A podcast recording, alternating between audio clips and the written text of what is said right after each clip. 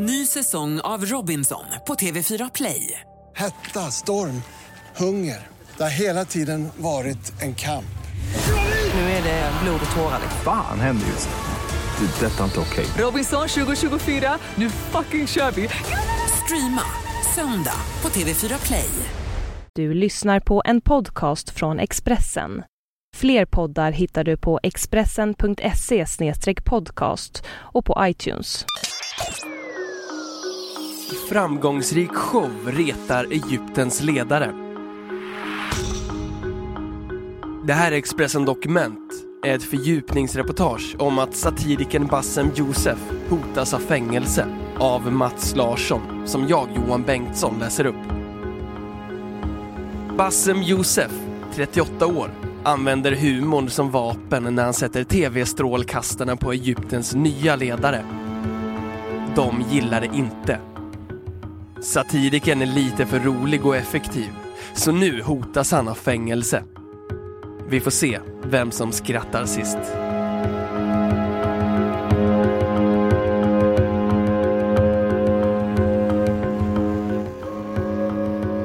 Egyptierna har fått en ny rutin på fredagskvällen. Då bänkar de sig i sofforna eller på kaféerna och sätter på satirshowen Al Bernameg, arabiska för programmet. Det har blivit en enorm succé. Showen sänds även via satellit till andra länder i Mellanöstern och Nordafrika, liksom norra Europa och Nordamerika. Vi har varit ett högljudda mot makten, säger Bassem Youssef som förklaring när vi träffas på hans kontor i centrala Kairo. Sarkasm är den snabbaste vägen till folks hjärtan. Speciellt när vi talar om saker som är lite frustrerande, som politik, säger han. Faktum är att Egypten aldrig sett något liknande. En show av den här typen hade inte gått att göra under president Hosni Mubarak. Revolutionen 2011 har lett till många besvikelser. Men om det finns en sak alla kan enas om så är det att landet har blivit friare. Egyptierna vågar säga vad de tycker, lufta sitt missnöje, skämta om saker som tidigare varit tabu, åtminstone offentligt. Och mer offentlig än Bassem Youssef är det svårt att bli. Cirka 30 miljoner egyptier tittar. Det är nästan en av tre egyptier totalt. Inte illa för en man som för tre år sedan var en helt okänd hjärtkirurg som hade planer på att resa till Cleveland, USA för att arbeta som läkare. Men så kom revolutionen och allt ändrades. Basim Youssef hade en vän som ville starta en satirshow som skulle läggas ut på Youtube. Youssef var ett stort fan av den amerikanska satirshowen The Daily Show med Jon Stewart och han sticker inte under stol med att hans eget program är en slags egyptisk kopia. Vi hade som mål att 10 000 skulle titta på den första showen på Youtube, minns Josef. Vi fick 100 000 träffar, säger han. Det var den 8 mars 2011. En knapp månad efter att president Hosni Mubarak tvingats bort från makten. Två månader senare hade Youtube-showen, en rätt amatörmässig historia producerad i Bassem Youssefs tvättrum, fem miljoner träffar.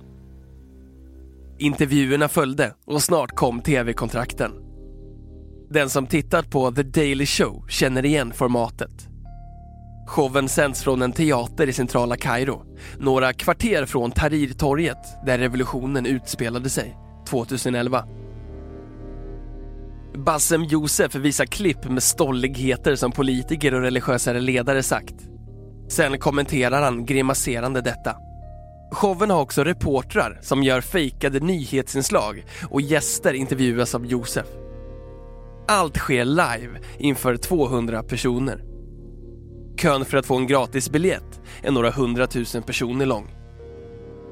Vi erbjuder något som är annorlunda än vad folk tidigare sett. Vi paketerar det bättre och använder oss av unga talanger som inte kommer direkt från egyptisk media. Folk som är lite rebelliska.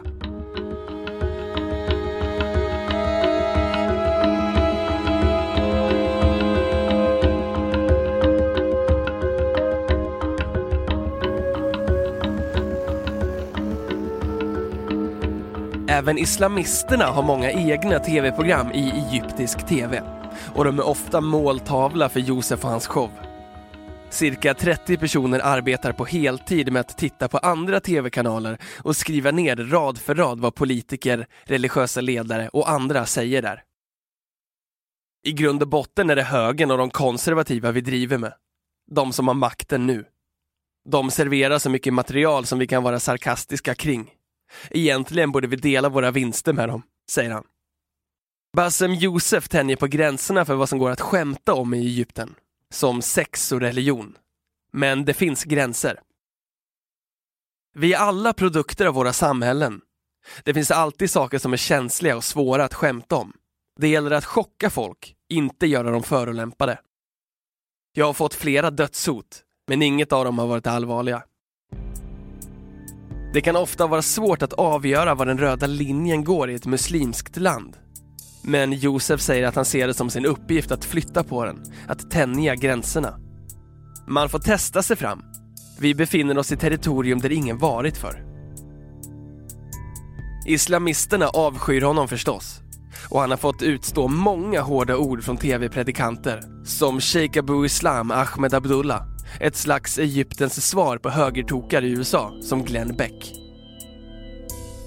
Det är vi som blev tillsagda av Gud att berätta för folket hur man kommer till himlen och hur man hamnar i helvetet. Koranen själv förbannar sådana som Bassem Josef, har Abu Islam dundrat.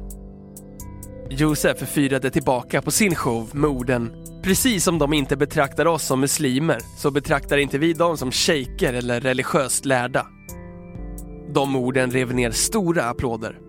Samtidigt verkar det som om Josef redan har överträtt den röda linjen. I alla fall för president Mohammed Mursi. För även om Egypten idag är mycket friare än under Hosni Mubarak så har Egyptens nya ledare den senaste tiden slagit ner på kritiker. Riksåklagaren Talat Abdullah grep Bassem Josef i början av april och tv-kritiken släpptes ut mot en borgen på 15 000 kronor. En stor folkmassa samlades utanför domstolen. Han anklagades för att ha förolämpat islam, förolämpat president Mursi och för att ha spridit rykten. Jag har tappat räkningen på alla anklagelser. De baseras på fyra av våra avsnitt.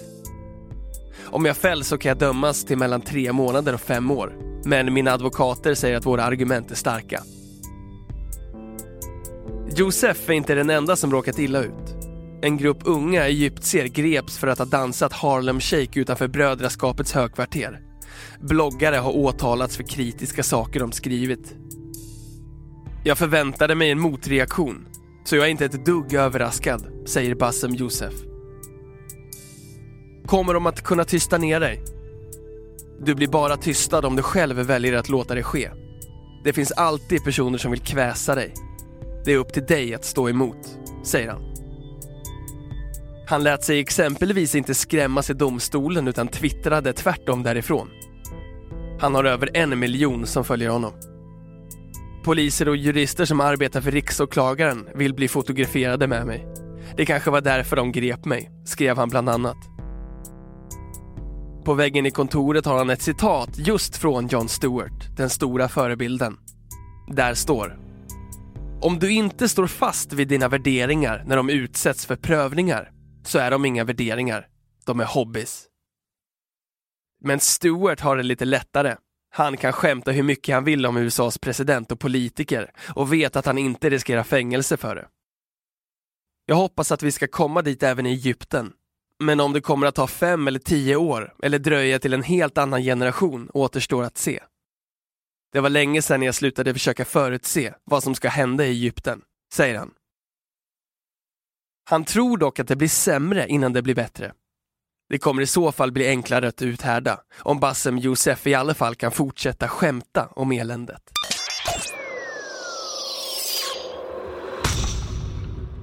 Du har hört Expressen Dokument, ett fördjupningsreportage om att satirikern Bassem Josef hotas av fängelse av Mats Larsson, som jag, Johan Bengtsson, har läst upp.